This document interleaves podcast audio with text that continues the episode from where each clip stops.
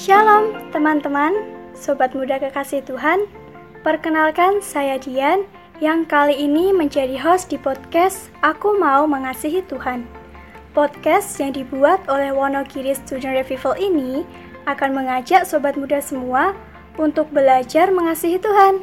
Podcast ini akan selalu rilis setiap hari Jumat jam 3 sore.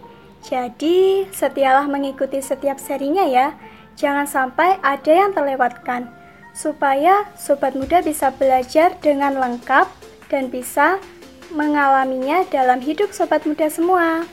Nah, minggu ini kita akan belajar lewat segmen BTW, Bincang-Bincang Teman Weekend. Di BTW kali ini, saya tidak sendirian. Saya akan berbincang-bincang dengan tamu spesial untuk bisa belajar bersama. Siapakah tamu spesial kita hari ini ya? Jika penasaran, yuk stay tune terus. Di bulan November ini, kita akan membahas dengan topik besar mengenai Alkitab. Di BTW episode ini, kita akan berbincang-bincang dengan tema Apakah Alkitab itu bisa dipercaya? Dan saya sudah bersama dengan tamu spesial kita, yaitu Mbak Rere. Oke, kita sapa dulu tamu spesial kita. Halo Mbak Rere, apa kabar?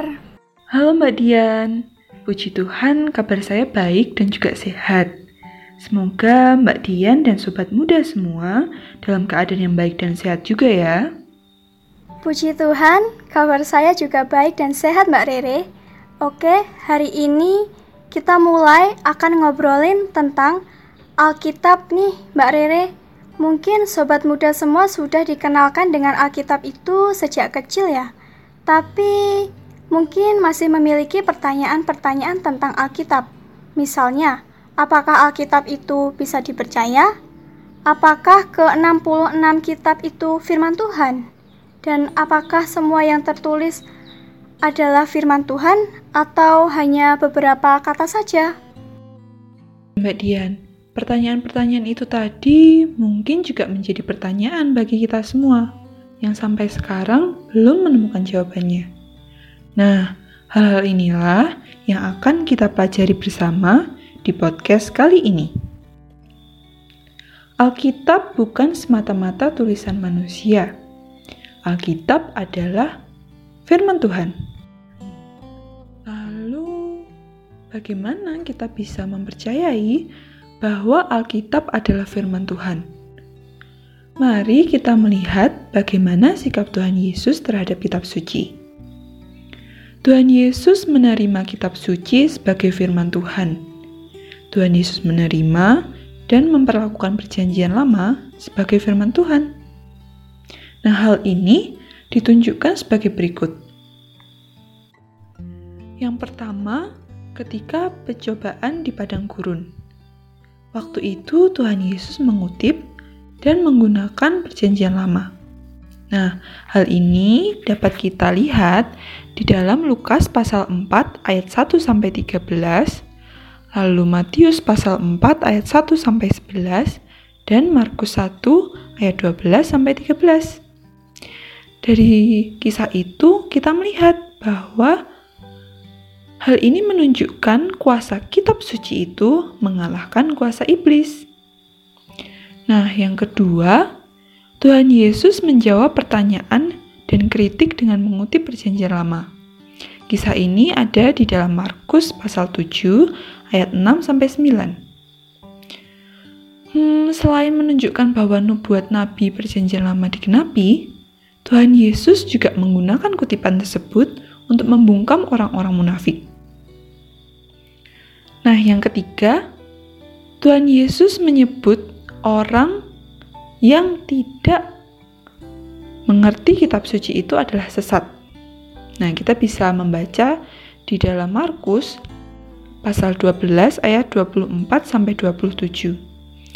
Jadi dikas, uh, dikisahkan ada sekelompok orang ya yang dengan sembarangan mengutip perjanjian lama untuk membenarkan pendirian mereka.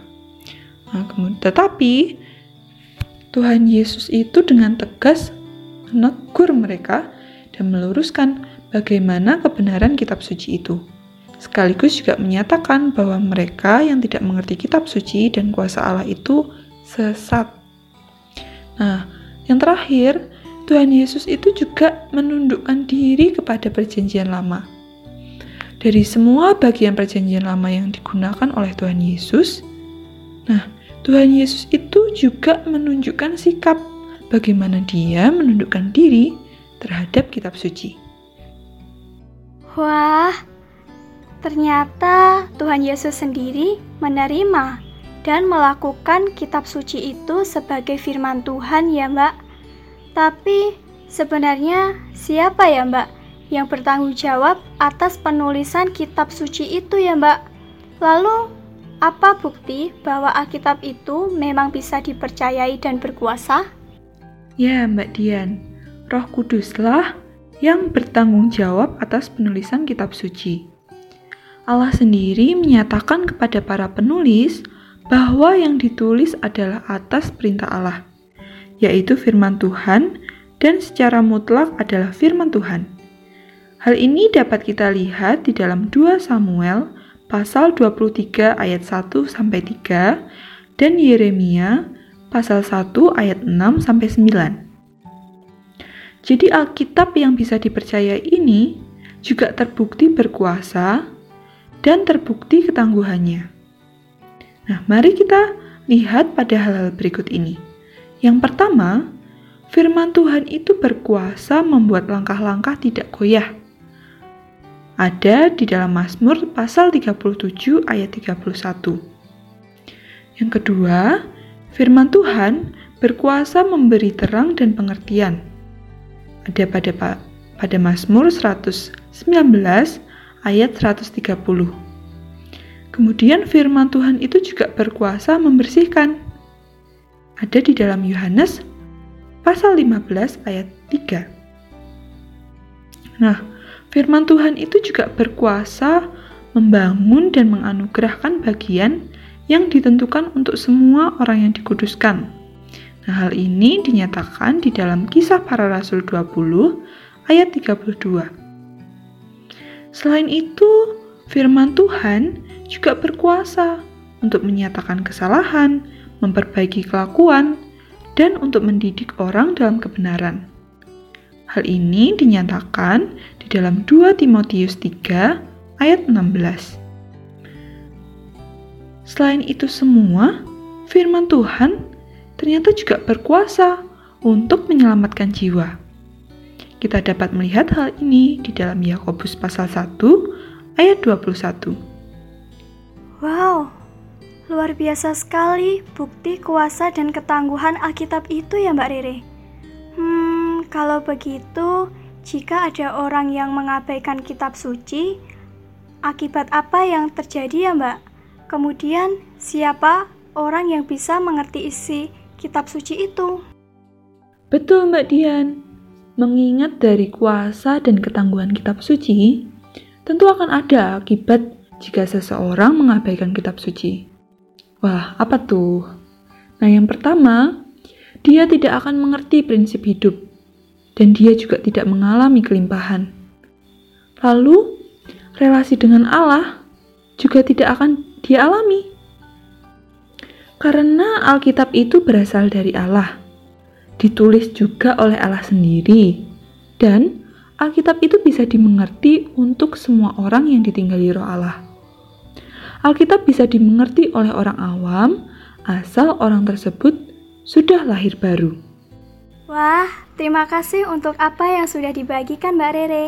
Pastinya sangat memberkati sobat muda semua.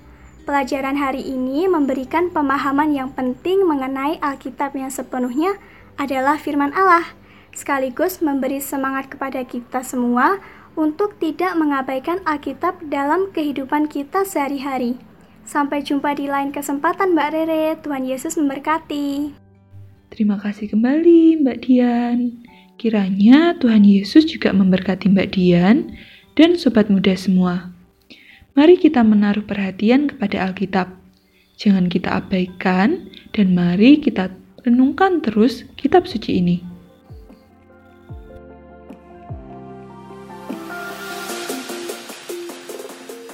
Sobat muda kekasih Tuhan, senang sekali ya hari ini kita bisa belajar bersama lewat bincang-bincang teman weekend kali ini.